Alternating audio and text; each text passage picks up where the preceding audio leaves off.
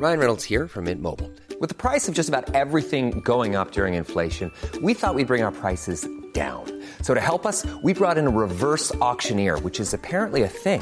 Mint Mobile unlimited premium wireless. Ready to get 30, 30, bit to get 30, bit to get 20, 20, 20, bit to get 20, 20, bit to get 15, 15, 15, 15 just 15 bucks a month. So, Give it a try at mintmobile.com slash switch. $45 upfront for three months plus taxes and fees. Promo for new customers for limited time. Unlimited more than 40 gigabytes per month. Slows. Full terms at mintmobile.com. Without the ones like you, who work tirelessly to keep things running, everything would suddenly stop. Hospitals, factories, schools, and power plants, they all depend on you. No matter the weather, emergency, or time of day, you're the ones who get it done. At Granger, we're here for you with professional grade industrial supplies.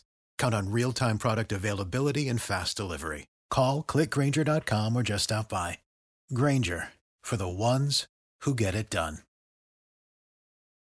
Join us today during the Jeep Celebration event. Right now, get 20% below MSRP for an average of 15178 under MSRP on the purchase of a 2023 Jeep Grand Cherokee Overland 4xE or Summit 4xE. Not compatible with lease offers or with any other consumer incentive offers. 15,178 average based on 20% below average MSRP from all 2023 Grand Cherokee Overland 4xE and Summit 4xE models in dealer stock. Residency restrictions apply. Take retail delivery from dealer stock by 4 1. Jeep is a registered trademark.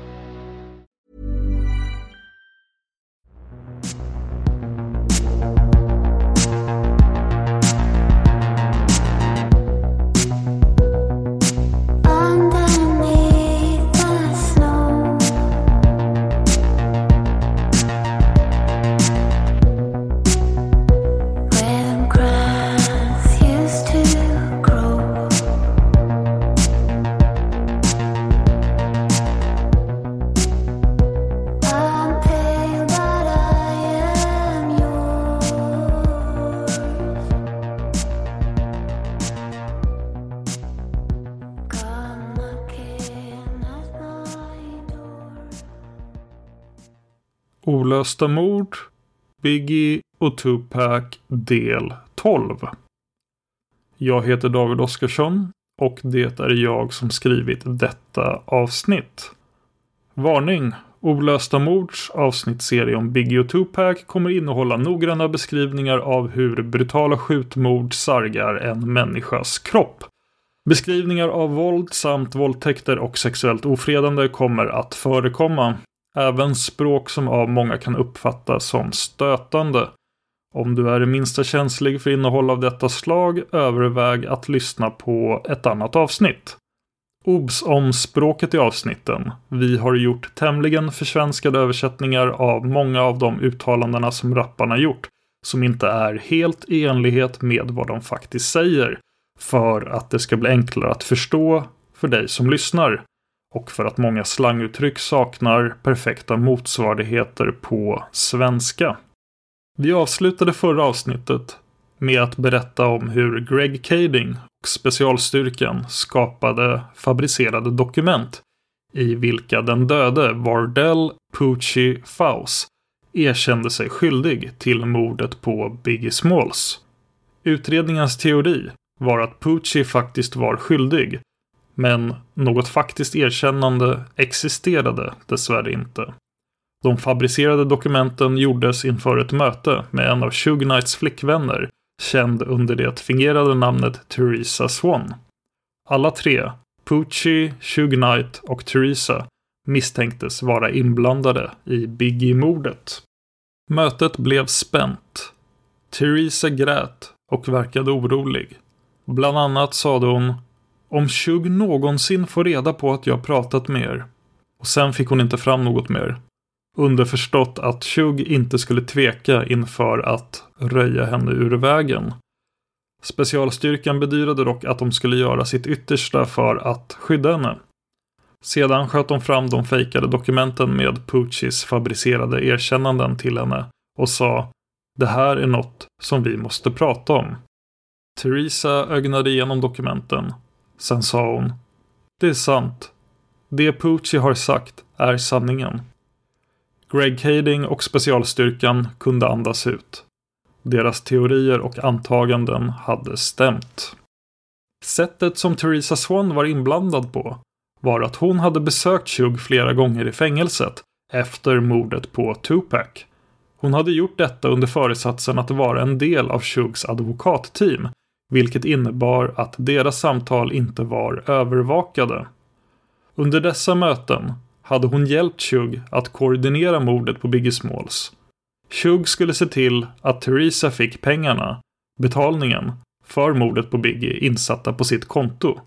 Hon skulle sedan beställa mordet av Pucci och kunna föra över pengarna till honom efter att det hade blivit utfört. Efter mordet sågs Theresa och Pucci två gånger. Första gången fick Pucci en betalning på 9000 dollar. Någon vecka senare fick han en betalning på 4000 dollar. Sammanlagt alltså 13 000 dollar för mordet på Biggie Smalls. Väl värt att jämföra med den miljon som Puff Daddy skulle ha erbjudit Keefe för mordet på Tupac. 13 000 dollar skulle 2023 vara cirka 24 000 dollar. Med andra ord fick Pucci 266 000 kronor för mordet på Biggie Smalls. Den totala summan Shug försett Theresa med ska ha varit 25 000 dollar. Vilket innebär att Theresa behöll 12 000 dollar för sitt eget jobb med koordinerandet av mordet. Nu hade Greg Kading och specialstyrkan kommit långt med sin utredning. Tre år hade gått och de såg ut att vara på god väg att till slut kunna presentera en officiell lösning på fallet. Men då skedde det oväntade. Högsta ledningen inom LAPD petade Greg från specialstyrkan på grund av hans inblandning i en internutredning för en tidigare orelaterad incident. Internutredningens resultat visade att Greg Kading vid ett tillfälle felciterat ett vittne i ett helt annat fall. Det innebar inga repressalier för Greg, men däremot att specialstyrkans arbete lades på is. LAPDs ledning tillsatte aldrig någon ny spaningsledare. Det tre år långa arbetet arkiverades utan några tydliga planer på när eller ens om det skulle återupptas. Without the ones like you, who work tirelessly to keep things running, everything would suddenly stop. Hospitals, factories, schools, and power plants, they all depend on you. No matter the weather, emergency, or time of day, you're the ones who get it done. At Granger, we're here for you with professional grade industrial supplies. Count on real time product availability and fast delivery. Call clickgranger.com or just stop by. Granger for the ones who get it done. Join us today during the Jeep Celebration event. Right now, get 20% below MSRP for an average of 15178 under MSRP on the purchase of a 2023 Jeep Grand Cherokee Overland 4xE or Summit 4xE.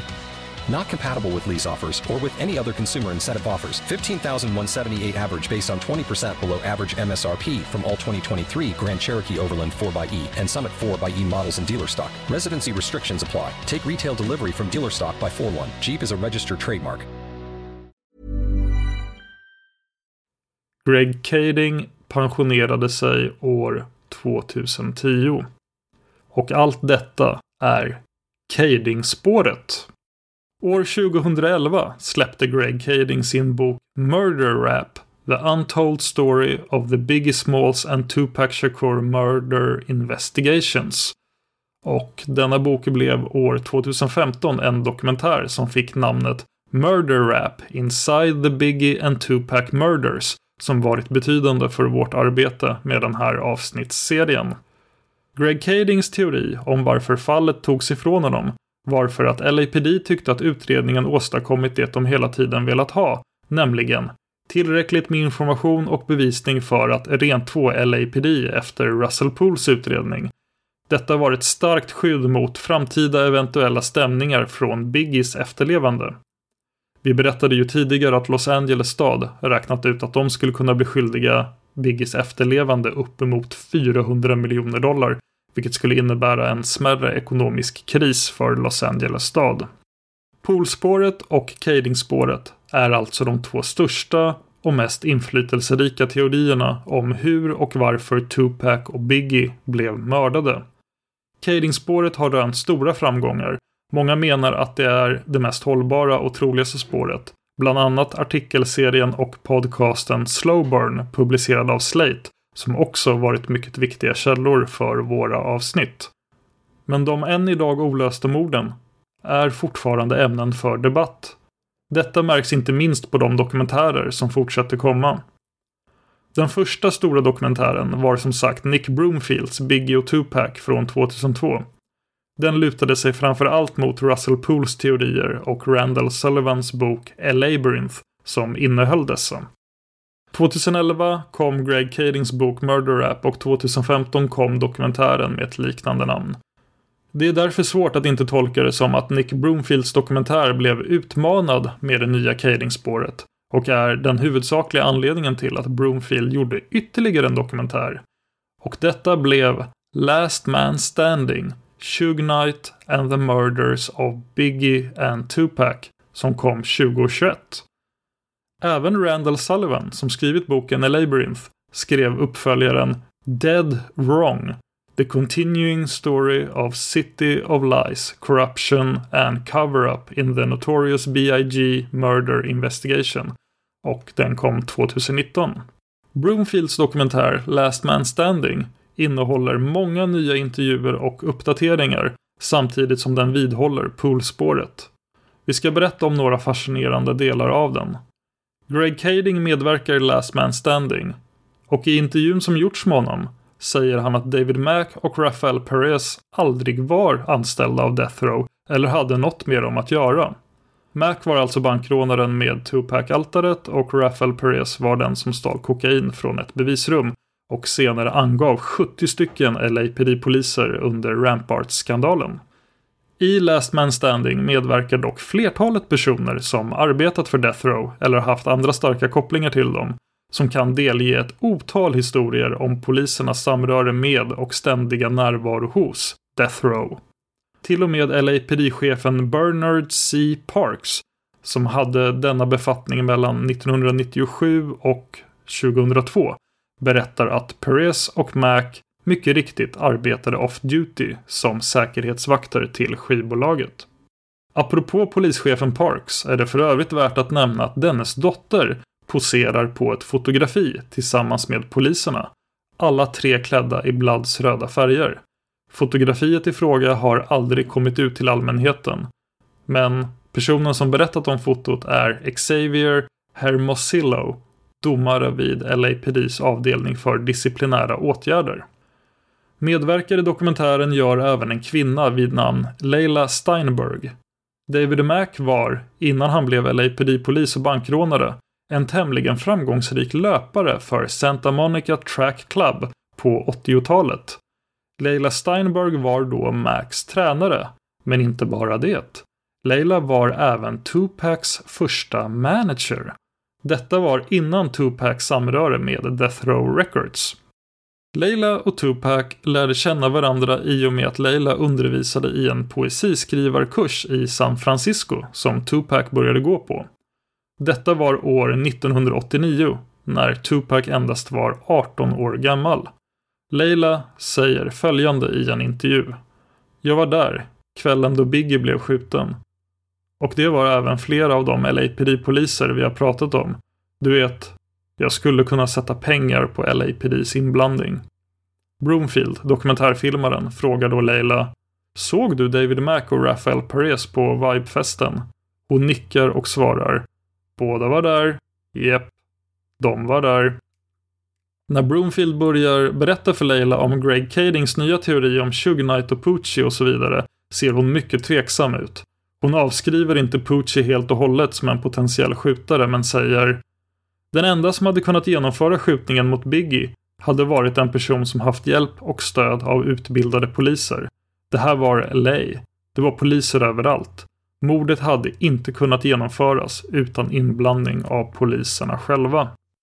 Som vi nu berättat finns det ju flera gemensamma nämnare i de två stora spåren och en av dessa är såklart den närmast legendariska Suge Knight. 2018 släpptes dokumentären American Dream slash American Nightmare som nästan helt utgörs av samtal mellan Suge Knight och filmskaparen Antoine Fuqua som spelades in mellan december 2011 och november 2012. I dokumentären tar Sugar Knight-filmskaparen Foucault på en biltur i Las Vegas för att visa vägen som han och Tupac körde kvällen för skjutningen den 7 september 1996. Något som skiljer Shugs beskrivning av händelserna efter skjutningen, till skillnad från många andra, är att Tupac ska ha varit ytterst talbar och att han, trots sitt allvarliga tillstånd, var uppåt och skämtsam både med Shug själv och de poliser som befann sig på platsen. Enligt Chug skojade och skrattade de med varandra när de åkte i ambulansen tillsammans till sjukhuset. När Chug berättar om detta i dokumentären klipps det plötsligt till en svart bildruta medan Chug och Foucault sitter i den för tillfället stillastående bilen. Vi som tittar hör bara ljudspåret. Vi hör att en bildörr öppnas och sen hur Chug börjar kräkas av vad det låter som enorma mängder uppkastning. Om Shug började må illa på grund av det som diskuterades eller något annat kan vi bara spekulera om. Shug Knight har sedan Death Row Records gick i konkurs 2008 varit inblandad i flera olika skjutningar och våldsamma händelser, framförallt i rollen som offer. Den 10 maj 2008 hamnade han i ett bråk utanför nattklubben Shag i Hollywood som resulterade i att Shug slogs medvetslös i tre minuter. Han kördes till och fick vård på sjukhus där han å det mest bestämda vägrade säga något till LAPD om vad som hade hänt. I februari 2009 mottog Shug ett slag i ansiktet på en privatfest på Scottsdale Hotel i delstaten Arizona. Han vårdades sen för detta på Scottsdale Healthcare Osborne.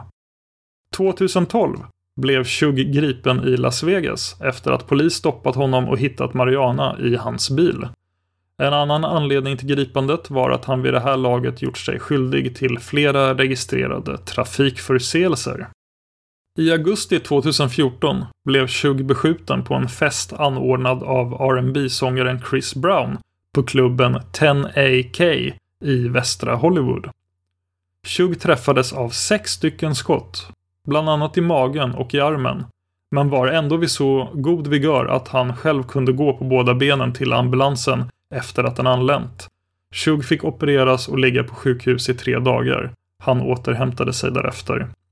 Vi har inte hittat några uppgifter om vem som sköt Shug, men enligt flera källor, bland annat nyhetskanalen TMC, fångades den personen på bild av klubben 10AKs övervakningskameror.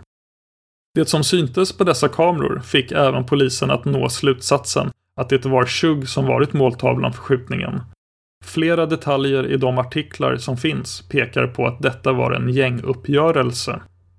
Och här är några av de detaljerna. Shug är en känd Mob Pyro Blood. Och flera på Chris Browns fest såg gärningsmannen, men vägrade säga något till polisen. Troligtvis för att de var rädda för att hamna i olag med ett känt gäng. Vilket gör det sannolikt att personen som sköt Chug var från Crips eller åtminstone utförde attentatet för deras räkning. Under tiden Chug låg på sjukhuset kom det poliser som ville förhöra honom. När polisen frågade Chug vem som skjutit spelade Chug dum och svarade Va? Vad säger ni? Blev jag skjuten? Sedan år 2015 sitter han i fängelse för att med flit ha kört på två personer vid en bensinstation i Compton efter att ha bråkat med dessa på inspelningsplatsen för filmen Straight Outta Compton från 2015 om NWA som vi berättat om tidigare. En av personerna dog och den andra blev allvarligt skadad. Shug Knight dömdes år 2018 till 28 års fängelse för dråp. Shug Knight är idag 57 år gammal. Biggies mamma, Walletta Wallace, stämde Los Angeles stad för vållande till sin sons död för andra gången i april 2007. Detta var mitt under Greg Kadings och specialstyrkans arbete med en ny utredning. Stämningen blev ogiltigförklarad på grund av en teknikalitet och Walletta behövde lämna in en ny stämningsansökan i maj 2008. Stämningen blev slutligen nedlagd år 2010 och få källor rapporterar om de exakta skälen till detta. Dwayne Davis, här mer känd som Kifidi, mannen som Greg Kading menar är hjärnan bakom mordet på Tupac, lider sedan 2018 av obotlig cancer. När detta avsnitt skrivs 2022 är han 59 år gammal. Tupacs livvakt, Frank Alexander, som var med när mordet på Tupac skedde, hamnade i en djup depression efter den tragiska händelsen. Han började missbruka narkotika. Det är rimligt att anta att ett dödsfall av detta slag är en hård törn att ta när man arbetar som livvakt och rent ut sagt misslyckas med sitt livsviktiga uppdrag. Frank Alexander skulle dock komma på fötter igen och efter några år gav han ut en egen författad bok om upplevelsen av mordet på Tupac. Den fick titeln Gotcha Back, på svenska ungefär Jag har din rygg. Frank Alexander tog sitt liv år 2013. Han blev 54 år gammal. Omständigheterna kring hans självmord har varit omdebatterade. Russell Poole, mannen bakom poolspåret, som länge varit en av de mest populära teorierna kring mordet på Tupac och Biggie, gick som sagt bort den 19 augusti 2015 av en plötslig hjärtattack. Han blev 58 år gammal. Tupacs mamma, Afeni Shakur, dog år 2016 och hon blev 69 år gammal. Artister som Dr Dre, Snoop Dogg, Puff Daddy, idag kanske mer känd som P Diddy eller bara Diddy, Faith Evans och Jay-Z är än idag högst aktuella och verksamma stjärnor. Biggie Smalls son, Christopher C.J. Wallace Jr. spelade sin pappa som ung i filmen Notorious som kom år 2009. CJ var då 13 år gammal. Biggie i vuxen ålder spelades av Jamal Woolard. En spelfilm om Tupac, All Eyes On Me, släpptes år 2017. Tupac spelades då av Demetrius Ship Jr. Epilog Den 10 juni 2019 hölls en ceremoni för ett namnbyte av en gatuadress i Brooklyn, New York. Det var korsningen mellan Fulton Street och St. James Place som fick namnet Christopher Wallace Way för att hylla Biggie Smalls. Delar av New York stad hade fått förslaget om namnbytet många år tidigare, men delar av kommunen hade motsatt sig förslaget på grund av Biggies våldsamma låttexter. Men i juni 2019 hade borgmästaren Bill de Blasio till slut godkänt det hela. Namnceremonin blev en stor tillställning under vilken Biggies mamma, Biggies två barn, Lil Cis, Lil Kim med flera medverkade. En av organisationerna som yrkat för namnbytet var Christopher Wallace Memorial Foundation som startades av Biggies mamma för att hedra hennes sons minne. Organisationen arbetar i övrigt med att främja ungas utbildning. Boletta, alltså Biggies mamma, var den som avslutade ceremonin med ett tal och då sade hon Den här gatan ska vara en kärleksgata. Folk kommer hit och kommer veta att det en gång här fanns en ung man. Min son. This just in. Ja, långt efter att denna avsnittsserie skrevs kom det nya Tupac-relaterade nyheter som passande nog står i relation till det som vi just berättade om Biggies gata. Fredagen den 19 maj 2023 rapporterade The Guardian tillsammans med flera andra publikationer att det nu blivit Tupac Shakurs tur att få sin alldeles egna gata. Det rör sig om en del av adressen MacArthur Boulevard by Lake Merritt i staden Oakland i Kalifornien, där Tupac bodde i unga år. Guardian rapporterar att adressen kommer behålla sin originalnamn men nu även ha tillägget Tupac Shakur Way. Men det är inte det enda. Tidigt i juni i år, 2023, kunde flera olika källor rapportera att Tupac ska få sin egen stjärna på Hollywood Walk of Fame. Hollywood Walk of Fame är ju de trottoarer som löper längs Hollywood Boulevard och Wine Street i Hollywood. Som sedan 1960 är smyckade med stjärnbeprydda marmorplattor som hedrar personer inom film, tv, musik, radio och teatervärlden. Tupacs stjärna kommer att bli den 2758 i ordningen. När du som lyssnar hör detta avsnitt bör ceremonin ha ägt rum den 7 juni och det var Tupacs syster Sekiva Seth Shakur som fått representera Tupac medan ceremonin leddes av Big Boy, med inga mindre än Alan Hughes, den ene brodern i regissörsduon som vi har berättat om tidigare och författaren och före detta Svarta Pantrarna-medlemmen Jamal Youssef som gäster. Jamal Youssef var även Tupacs gudfar och 2006 så gav han ut Tupacs officiella biografi, Tupac Shakur Legacy. Och det var Olösta mords avsnittsserie om Biggie och Tupac. Maila oss dina teorier om fallen som vi tar upp på simwaypodcast@gmail.com. Det är alltså Z-I-M-W-A-Y-P-O-D-C-A-S-T gmail.com. Jag som har skrivit och läst hela den här avsnittsserien heter David Oskarsson. Tack till Eva Martinsson för klippningen. Tack till Tripnaha för låten Immune som ni hör i början och slutet av varje avsnitt. Och stort tack till dig för att du lyssnar på Olösta mord.